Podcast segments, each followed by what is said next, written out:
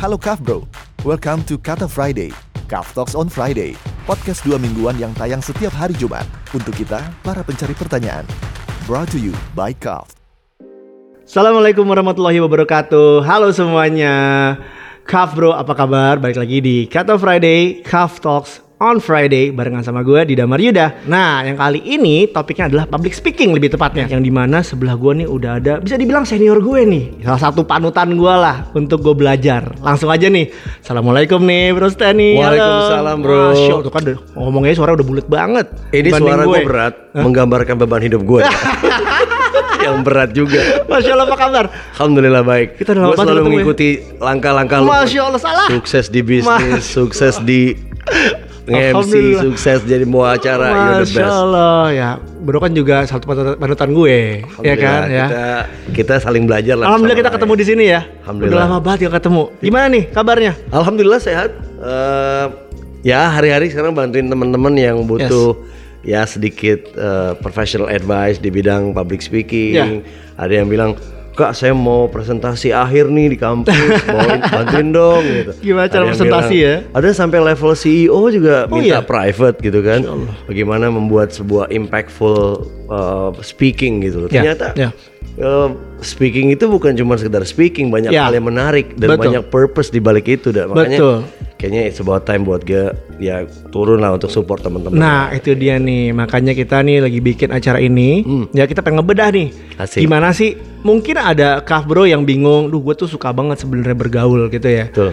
Atau enggak gue suka banget ngomong Tapi gue mengembangkannya baga- bagaimana? Nah ini pas banget nih ada uh, Bro Steny di sini yang bisa mungkin sedikit uh, menjelaskan ya. Jadi dulu kan lu kan penyiar juga nih ngomong-ngomong kan? Ya kebetulan gitu. Ya kan? Tapi asal mulai seperti apa sih? Dulu sih asal mulanya sa Oon juga sama sama Oon. Ingat banget 20 tahun yang lalu dah Ya. lagi diundang ke studio di waktu itu MTV Sky kalau nggak salah. Lah, si Ari Untung waktu itu Ya, kan ya, punya ya, acara ya. di situ kita undang eh daripada kita ngobrol-ngobrol di sini kita ngobrol di studio yuk ngobrol. Kita akhirnya siaran bareng bertiga Hmm, itu momen yang paling nggak bisa dilupain karena gue tuh gagap. Ke- Iya, iya. Gue starter gitu loh. Gitu Depan loh mic panik.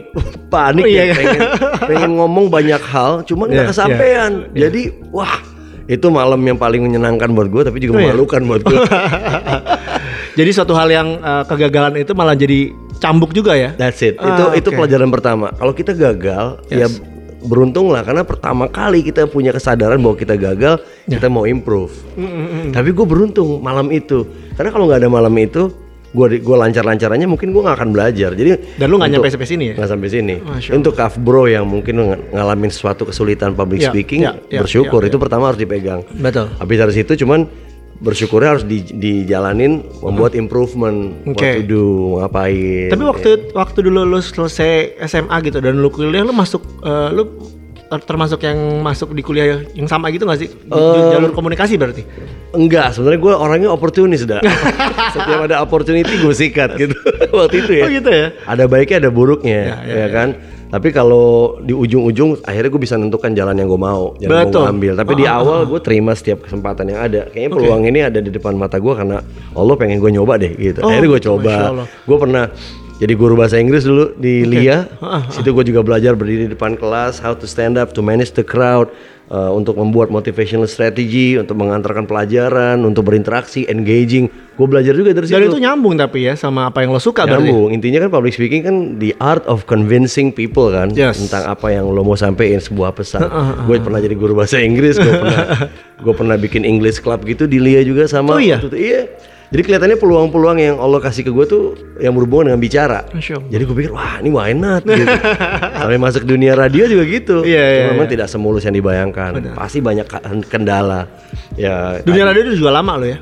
Eh, radio dari tahun 2000 jadi 20 tahun Oh, lah 20 total belum tahun ya? lama sih Iya, belum iya, lama iya. tapi eh, cukup lama untuk belajar gitu. Benar, benar, di benar, benar. di radio kita dibelajarin banyak hal Ya. dalam public speaking tuh ada menurut seorang eh, filosofis ya Hmm. eh, psikolog namanya Albert Merabian ada tiga hal penting ketika kita mau berkomunikasi mau Ya. public speaking pertama kekuatan dari kata-kata Ya. word gitu ya kedua Word, oke. tone nada ya, Nadanya, tonality ya. ya tone yang ketiga adalah body language tapi Oke. ternyata ini presentasinya beda-beda. Beda-beda. Kekuatan kata-kata kalau kata-kata kita bagus gitu ya. Ya. Ya kan bahasanya santun apa itu cuma 7% untuk bisa mempengaruhi orang. 7% doang. 7% kontribusinya. Nah, kalau kita menggunakan kata-kata dengan nada yang pas Yes. itu tambah 38%. Jadi Naik 7 tambah 38. Enggak, artinya 7% buat kata-kata, tone itu 38%. 38%, oke. 38 tambah 7 45. Benar. Nah, ada satu yang gede banget tidak? 55%. Itulah Gestur itu. body, Body language. language. Oh. Sederhananya gini ya, Kak Bro. Saya gini, saya ngomong, "Eh, bro, gue boleh minjem uang nggak? Gue lapar nih, belum makan dari pagi. Ya, itu biasa kan. Gitu aja, flat ya. Kata-katanya bagus, tapi ya cuma flat. Orang nggak percaya. Kedua, misalnya, ehm, bro, gue lapar banget nih. Please kasih minjemin gue uang. Gue belum makan dari pagi. Orang agak percaya. Orang agak percaya, nada benar, kan. ya. Gue kayak nada orang susah gitu ya. Getar-getar gitu. Tapi ketika lo memainkan ekspresi wajah lo, dah, gue minta tolong banget. Gue gue tuh belum makan dari pagi. Gue lapar banget dah. Please bantu gue. Gue akan bantu lo. Orang jadi lebih Orang percaya. lebih lebih percaya benar. Karena lo memainkan word, kekuatan kata-kata, kekuatan tone lo sama kekuatan body language. Body language. Lewat wajah. Iya. Orang susah ya tampang orang susah seperti apa sih gitu. Iya, nah, ini kepake banget di dunia apa pun yang Kaf Bro mau lakuin termasuk ya jadi MC, jadi, Benar. jadi pengajar, jadi apa pun lah. Jadi penjual pun juga bisa. Of course man, Iya kan? pasti. Pasti, benar. Orang akan ngelihat keseriusan dari emosi kita Benar. tentang barang kita. Kopi ini paling enak. Kopi ini dipetik dari ya, Iya, dari benar. Dia bisa petani-petani. menjelasin uh, detail dari produk yang mau dijual ya. Jadi nggak rugi belajar public speaking itu bermanfaat banget. Dan nggak hanya untuk uh, misalkan jadi host doang berarti kan ya. Enggak dong, banyak banget semua ilmu yang menggunakan eh, kemampuan berbicara itu public speaking. Benar benar. Dan benar. kita nggak akan pernah lolos dari public speaking. You name it, jadi pengusaha, Dida kan Benar, juga kan benar, benar, benar. harus menjelaskan ke media kan Iya. tentang apa sih kopi yang Dida buat, Betul. seberapa bagus sih gitu. Betul. Jadi CEO di perusahaannya Kaf Bro masing-masing. Ngobrol ya. Ngobrol, jadi pimpinan di kantornya harus meyakinkan, Meyakinkan karyawan. juga karyawannya. Benar. Iya kan? Mau ngelamar. Mau, wah, Wah, itu lagi. itu tuh. Bu, yang- Itu bikin Laki tuh dengkul. Lagi laki-laki ya. Kalau ngelamar. Iya, semua orang bilang nggak ada yang paling mengerikan selain pengalaman itu kan. Bener, bener. Minta izin sama bokapnya ya. Aduh ribet deh tuh. Wajar sih. Iya, deg-degan. Wajar makanya. sih. Tapi sebenarnya eh, proses yang lo alamin gitu ya. Pasti kan ada titiknya di mana kayak, aduh ini nih kayak titik gue deh nih. Ya.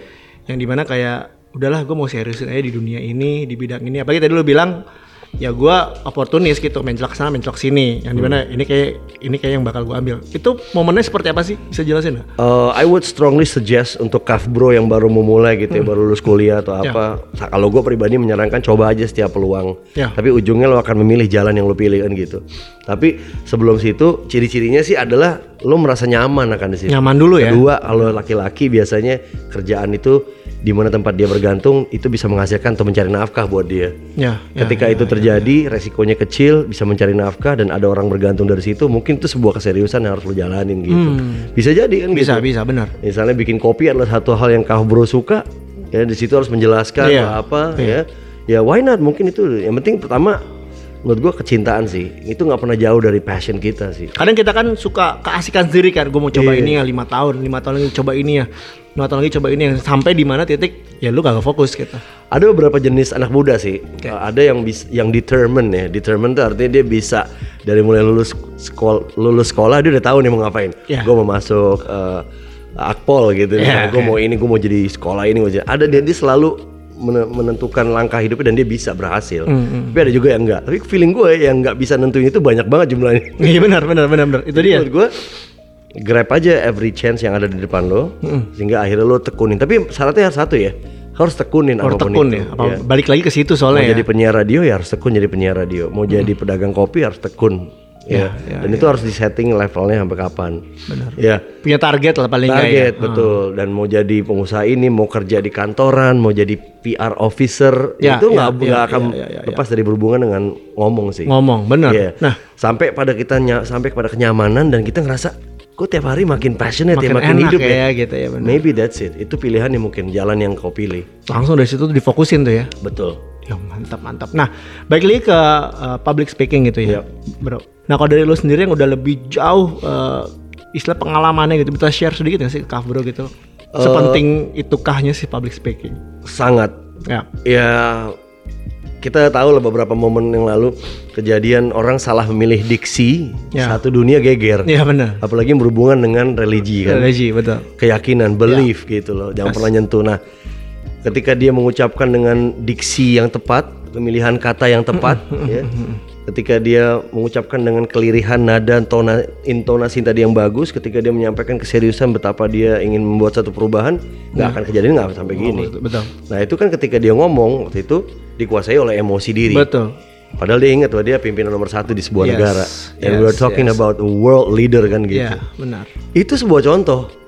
Nah, kalau kita salah milih kata, salah milih diksi ya, Ya. salah mengucapkannya, one day kalau Kaf Bro jadi bos, karyawan bisa harus pada ngamuk. itu. Iya benar hati-hati ya. Yang paling berbahaya media misalnya. Media, itu benar, ngomongin salah ngomong produk, kita nggak peduli sama orang gitu, diambil sama media, ditulis. Ditulis belum dipotong. Iya kan? Belum Belum lagi editor-editor. editor yang dipotong-potong. Cari klik Tukang mana potong, nih? tukang potong clickbait Cari mana? yang mana nih? Benar. Itu seberapa penting untuk zaman sekarang, Iya. ya. Terus ketika kita ngomongin tentang bisnis, kita punya produk, kita mau mau cari investor, gitu Benar, ya. ya. Kan lu harus convince investor lo, lu Ya, harus meyakinkan. presentasi pitch pitch elevator. Ya. Lo sampein dalam, lo cuma punya waktu, sorry, Steny, saya punya waktu 20 menit untuk ngomong tentang kehebatan bisnis kamu. Jelasin whatever you have in mind, make it 15 minutes. Sementara yang kita punya slide-nya 220. Banyak iya ngomongin. Ya kan? Macam-macamnya. Iya. Sederhananya kita punya- mesti punya kemampuan juga dalam me- mensimplifikasi pesan kita. Salah satunya itu. Ya sederhananya ketika kita masuk dalam lift, ketemu dengan orang yang kita pengen presentasi, Ya. kita cuma punya waktu 2 menit, 3 menit dari lantai 1 menuju lantai 40 misalnya. Benar. Ya harus cepet kan nyampein itu. benar. Itu juga salah satu kemampuan dipelajari oleh public speaking. Public speaking itu satu ilmu yang semua menurut gua wajib belajar, Iya. wajib tahu. It's the art of expressing your mind, your thought gitu loh. Dulu tuh gue jadi inget waktu kuliah gitu ya di radio kampus. Gue ikut radio Iya. kampus nanti. Oh. Gue dulu cuma disuruh bilangnya sama senior gue gitu ya. Cuma dibilang kayak, ya lu latihan aja kalau ada lagi isi bensin. Lu ngobrol sama tukang bensin ya udah. Bisa, why not? Iya kan ya? Karena banyak pasti orang yang mengira kayak ah itu mah gampang emeng doang, tapi pas nyampe ke sini tuh ah, gitu kan. Nggak segampang itu. Tuh, Ada ada trik sendiri gak sih? eh, ya terutama ketika kita lagi mau tampil kan kita mengalami spotlight kompleks namanya Ya, tuh, ya, ya, kan? ya, Eh, spotlight kompleks tuh eh, satpam kompleks anjing. spotlight kompleks kompleksitas atau di mana kita menjadi sorotan. Jadi sorotan betul. Nah, saran-saran dari gua untuk menguasai Ya. public speaking ada beberapa hal. Pertama kita harus kasih waktu kita eh, untuk belajar. Oke. Kita untuk belajar. Belajar sekarang gampang kan bro lewat YouTube, YouTube, lewat mana ya kan? Atau ikutan-ikutan forum. Ya. Kedua, grab every chance. Kalau lo punya kesempatan untuk tampil, ambil. Ambil, Karena nggak oke. kesempatan itu nggak datang dua kali.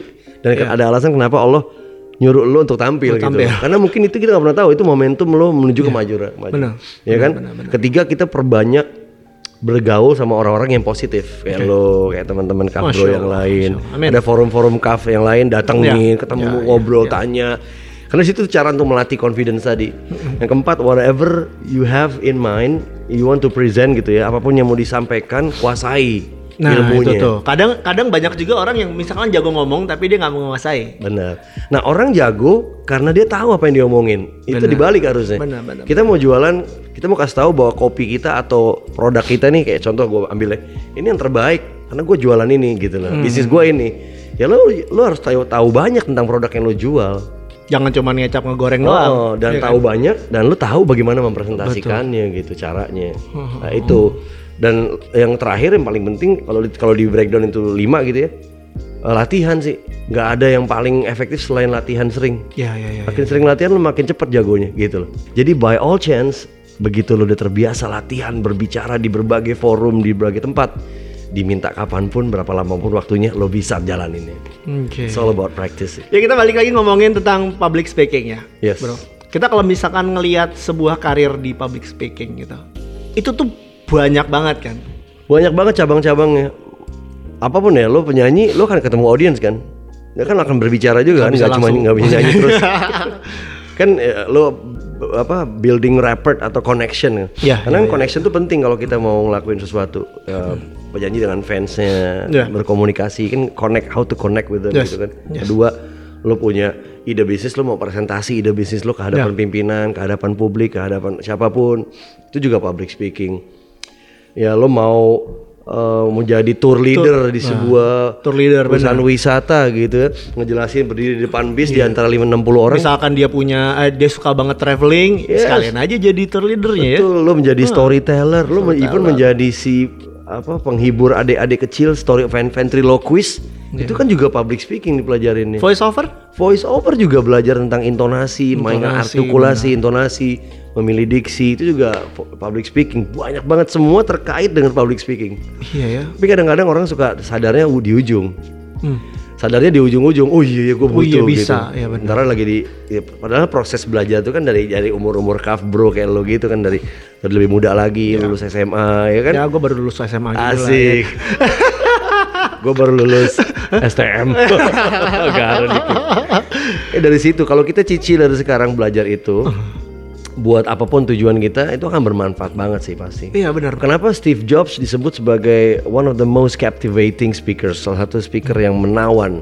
Ya. Karena dia dia proses persiapannya dia jalanin. Hmm.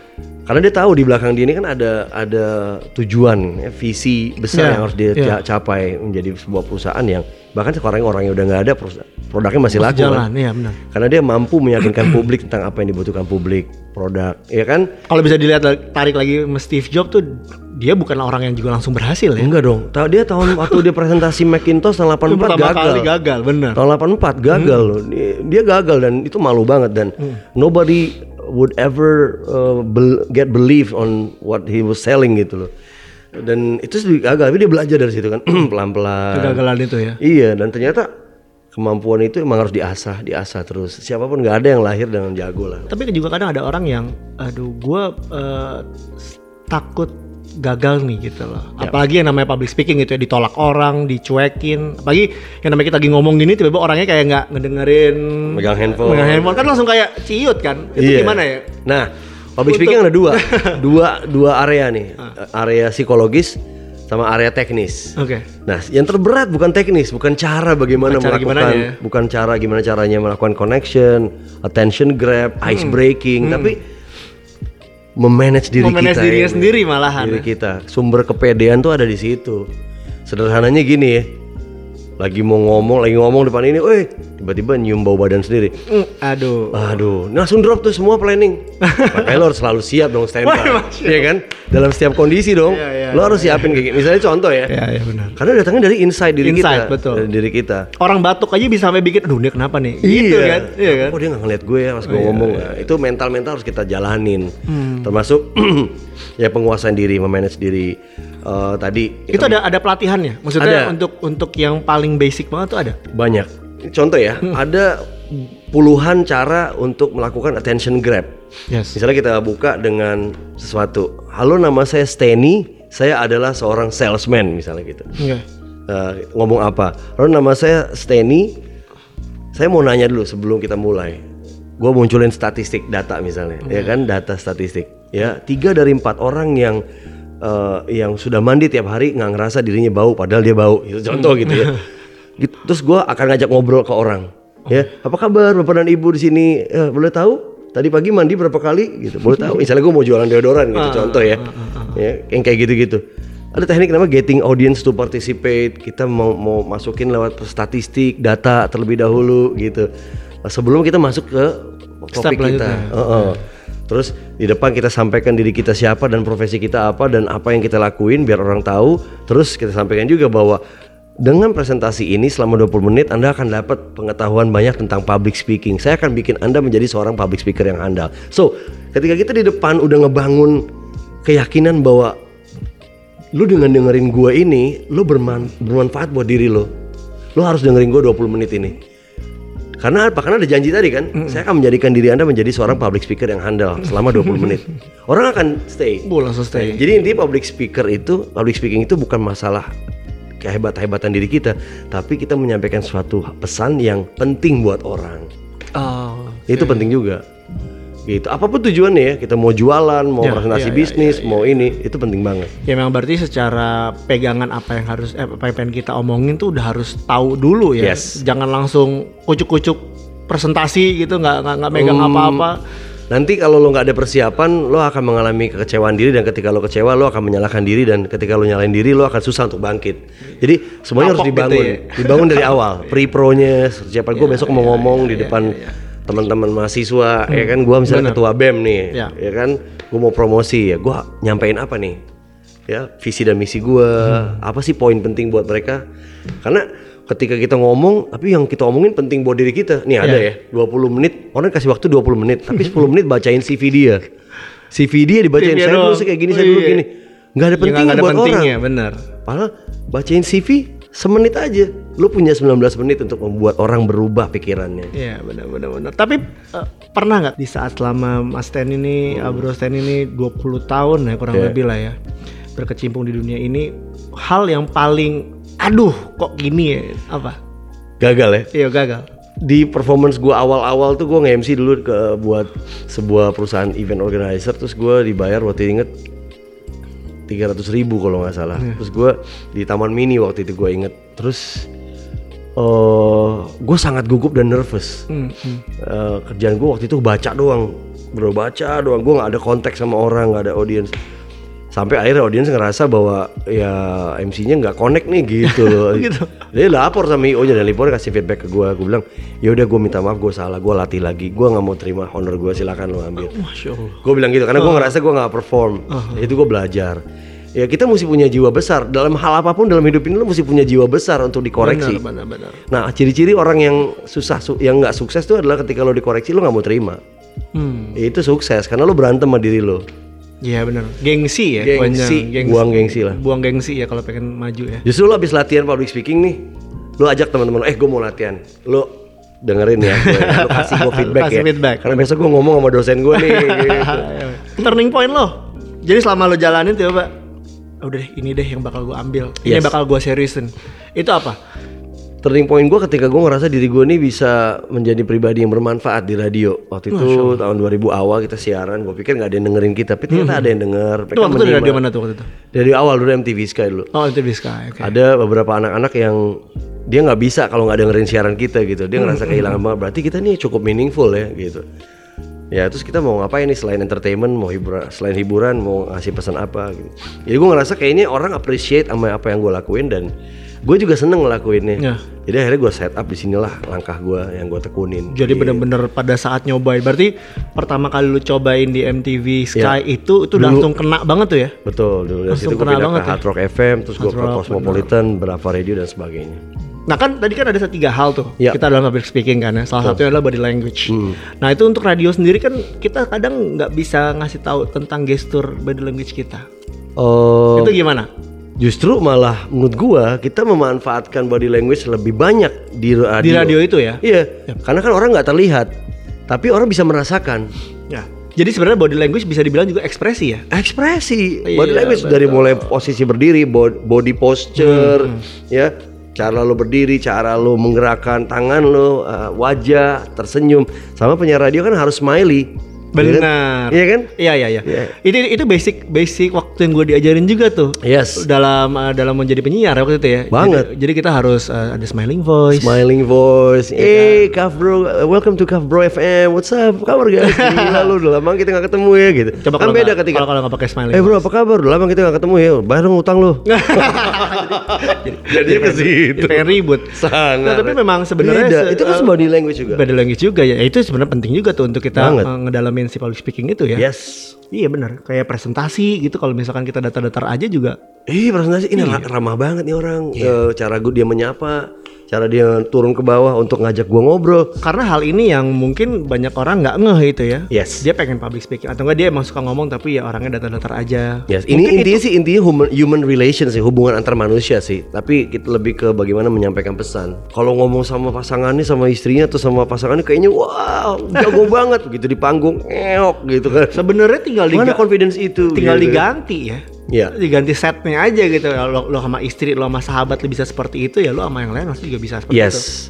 Tapi memang kenyataannya eh, kalau menurut riset psikolog yang bilang ya kata bilang bahwa eh, kenapa sih kita kita tuh kan punya penyakit penyakit bukan penyakit sih sebutannya symptom-symptoms yang mengganggu diri kita. Ya. Kita tuh self absorb. Kita menyerap semua hal dalam hidup kita.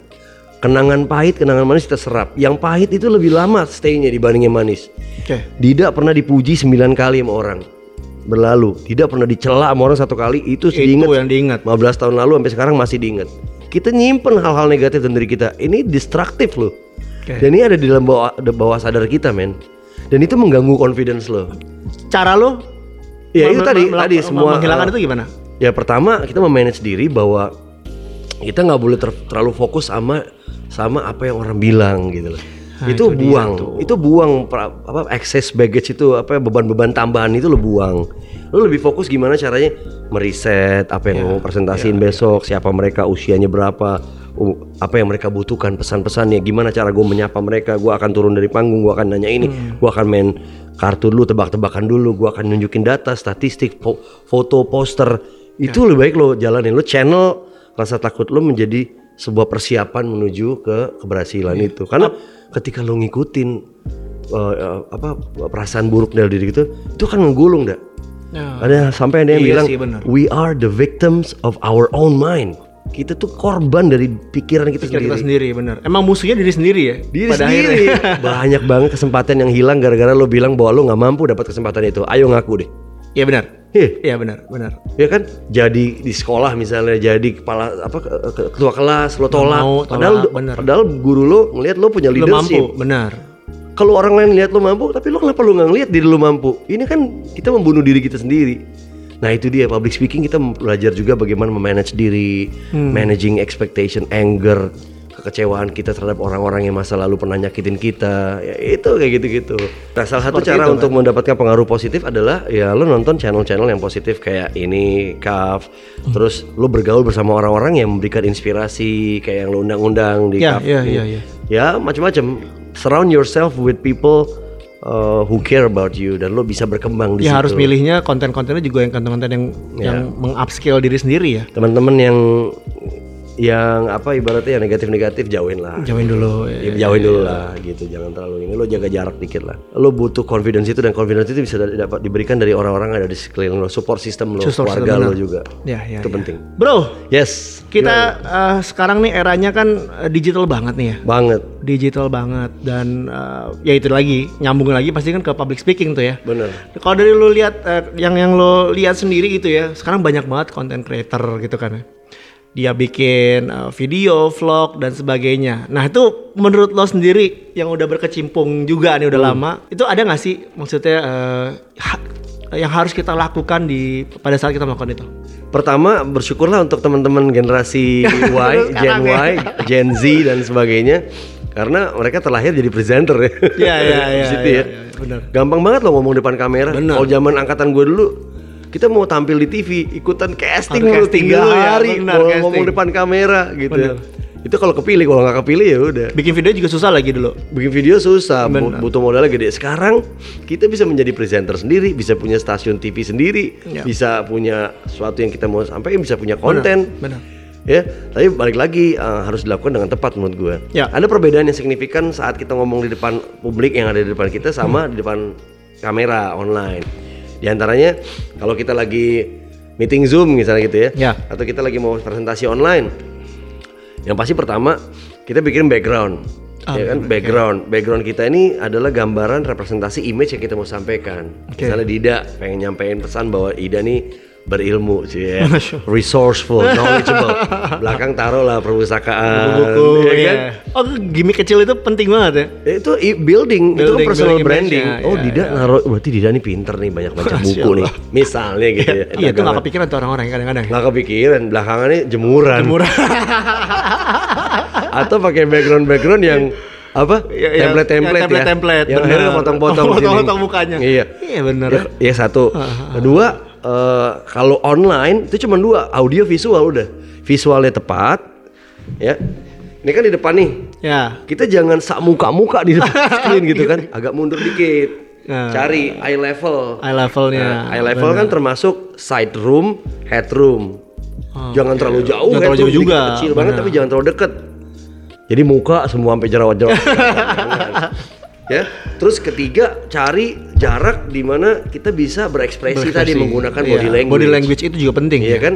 Kalau kita mau jual produk, kita harus nunjukin produknya. Nah, kalau dia terlalu kecil muka doang kan kita susah jualin produk gitu kan. Dan komunikasinya juga jangan kayak jualan pasar. Ah, ada, beda. ada kan yang template begitu kan? Ya, Beda. mana, mana, mana, mana, mana, Nah gitu. itu psikologis juga ada namanya. uh, Oh, oke. Orang kan punya atten- attention span yang makin lama makin turun. Di online menurut iya, data iya, 20 menit sekali kita harus break. Oh, kita harus ada gimmick, kita harus ada bercandaan, kita harus ada sesuatu karena orang udah jenuh capek. Benar. menatap kamera tuh capek, le- le- letih juga. Letih, nah, ya, itu kita mesti tahu. Misalnya 20 menit, oke, let's kita giveaway gitu Hmm. misalnya kan. Itu kita lakuin. Itu tips-tips seperti itu. Eh, termasuk eh, tadi cara-cara mengakrabkan diri di offline dengan online, Online, harus ya. dibangun juga. Sebelum saya mulai, saya mau tahu siapa di sini yang belum mandi, Eh, tunjuk tangan, boleh? Oke. Siapa yang ini ya? Ya contoh kayak Ya, apalagi gitu, sekarang kalau misalkan kita live kayak di IG live gitu kan tuh kita juga bisa langsung interaksi di situ kan ya. Iya dengan dua orang ya, tapi kalau iya. sama yang lain mesti diundang ya. Ya itu apalagi IG live tuh, IG live kita suka mikirin hanya berdua doang, Betul. tapi nggak mikirin orang ribu Orang orang, ribu nonton. orang nih. yang nonton. Omongan kita tuh harus bisa relevan sama yang 19.900 orang, Mm-hmm. bukan cuma yang di depan kita. Nah itu juga kita harus me- me- menggandeng, harus ngasih ngomong sesuatu yang omongan gue ini bermanfaat buat mereka semua. Salah satunya gitu, jadi content creator gampang bisa menarik, tapi pikirin Tapi juga konten-konten ya, apa. benar. Nah, kalau gue sih menyarankan jadi content creator lo pilih eh, satu problem yang lo bisa jawab lewat konten lo, Hmm. ya kan? Apa misalnya lo pengen ngomong tentang eh, kondisi anak-anak muda sekarang yang eh, apa eh, lemah batinnya jiwanya gitu. Nah, lo mau ngasih counseling, lo ngajak psikolog, Oke. lo diskusi. Nah, kalau gue sepanjang lo punya solusi dari problem mereka, sepanjang lo punya obat dari pain mereka, konten lo akan everlasting menurut gue. Gue selalu mikir gini, uh, if I'm going to create something, is this gonna be worth watching 20 years from now? Iya. 20 tahun lagi nih konten gue ini bermanfaat apa enggak? Benar. Kalau nggak bermanfaat, gue mendingan mikirin dulu deh. Memang pada bikin. akhirnya adalah emang tujuannya itu ya harus kita set ya. Yes. Jangan cuman sekedar pengen followers atau viewers doang. Karena ini semu follower follower bisa Iya, bisa iya. pindah, bisa benci sama lo ketika Benar. hari ini. Tapi ketika lo memberi building konten yang bermanfaat buat mereka, they will stay forever. Ya. Karena Intinya manfaat itu tuh. Kadang orang kan bikin konten suka ada yang nggak bermanfaat mungkin ya kadang beberapa gitu. Iya, iya, iya. Karena era digital ini sangatlah mudah gitu kan. Betul. Kita meng-create-nya. Iya, iya. Ya itu itu kebijaksanaan masing-masing ya. Policy masing-masing. Dan Bro saya ini kan melewati dua masa yang berbeda nih kan. Mm-mm. Yang tidak ada era digital dan Oh. dari yang dulu mungkin Oh iya, gua kalau Tidak, ngomong ketahuan tuanya deh. Enggak. Dari mulai kaset pakai muterin. kaset diputar rekor ya, Iya. rekor dicetak-cetak. Su- sulit itu ya. Ya, em, Nah, lu kan lu kan ngejalanin, lu kan ngelewatin dua hal itu tuh. ya, ya. kita Iya bisa kan? survive sih dah dengan se- sesulit apa pun kita bisa survive. Hmm. Zaman sekarang semudah apa pun kita juga bisa hancur. Ya. Dua hal itu aja sih. Ya, ya, ya. Kalau sulit ya kita bersyukur aja, find a way to survive. Betul. Kalau terlalu mudah juga hati-hati karena lo bisa juga jatuh dari kemudahan itu. Bener. Menurut gue. Iya, Insya Allah ya. Nah, Pak, kesibukan lu berarti selama ini eh, di dunia eh, public speaking. Punya ya? hitam. Ya jangan. public speaking. Ada selain itu ada kegiatan lain nggak? Kalau nggak salah dengar-dengar ada eh, bisa bisa kita bilang kayak pita kuning itu apa ya? Yes. Gue juga mau menyarankan sih bahwa diri kita itu semua punya punya satu hal yang satu hal yang harus kita fulfill yaitu dunia sosial. Oh, Ya alhamdulillah zaman gue siaran dulu 2006, ya. gue bangun eh, sebuah komunitas, Oke. komunitas eh, teman-teman yang men- yang membantu adik-adik kanker. 2007 keterusan kita bikin yayasan sampai sekarang deh tahun 2020 udah 13 tahun lah. 17 ya. tahun, masya Allah. Nah, jadi gue ngurusin adik-adik kanker, eh, adik-adik eh, kanker ada 32 anak bersama keluarganya. Kita bikin support system, kita bantu mereka perawatan, eh, pendanaan sekaligus eh, pendampingan mereka. Kita bikin mereka senang, bahagiakan karena unsur bahagia ini penting loh, Dak. Ya, ya. Ternyata eh, orang sakit tuh butuh bahagia. Butuh disupport ya. Butuh disupport, bahagia, butuh di-create bahagianya karena dengan dia bahagia, dia lebih cepat sembuh ya. Betul. apalagi orang yang nggak sakit kayak kita Benar, kita harus bahagia benar, jalanin bisnis aktivitas harus bahagia Jangan dibawa stres ya. jangan ya. jangan, Jangan, ya, stres satu dua aja lah udah Ya, gitu se- sewajarnya aja Sewajarnya. ya. Sewajarnya aja ya karena memang apalagi masalah eh, pandemi gini ya banyak teman-teman kan pasti uh, brokaf tuh yang kayak aduh gua kena PHK nih atau enggak Yeah. aduh gua kena pengurangan dan sebagainya kita tuh butuh banget tuh kan. Gue sih mau menyarankan bahwa ini momen yang paling tepat buat kita deket sama pencipta kita. Karena momen yang paling pas buat kita memohon sama dia berkomunikasi saat ini gitu ya. Benar. Minta tolong, memohon apa sih jadi keinginan lo. Karena ini kan semua semua orang dapat ujian ya. Ya ya semua, ya, semua satu semua dunia, satu dunia. Satu it's time for you to benar. get close to your creator lah. Ya, dari situ baru ya kita akan buka tuh jalannya ke mana aja ya. Insya Allah. Masya Insya Allah gue percaya sih. Siap, siap, siap. Nah, bro, Hmm.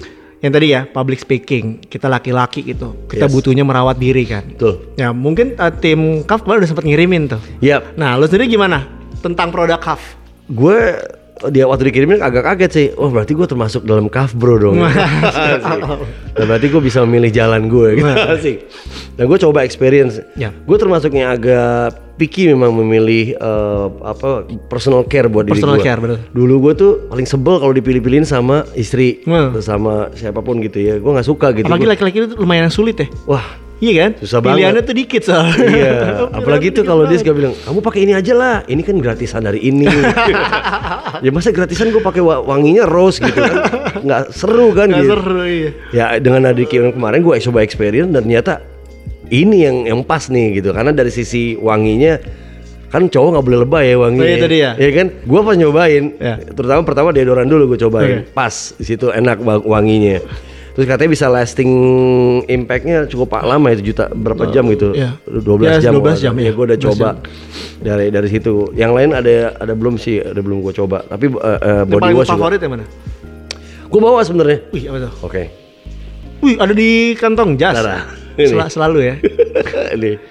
Ya ini karena kebot kemasan botolnya kecil, lu bisa selipin juga. Jadi gampang ya. Gampang. Gampang. Dan ini penting buat orang-orang yang pengen terjun di dunia public speaking ya.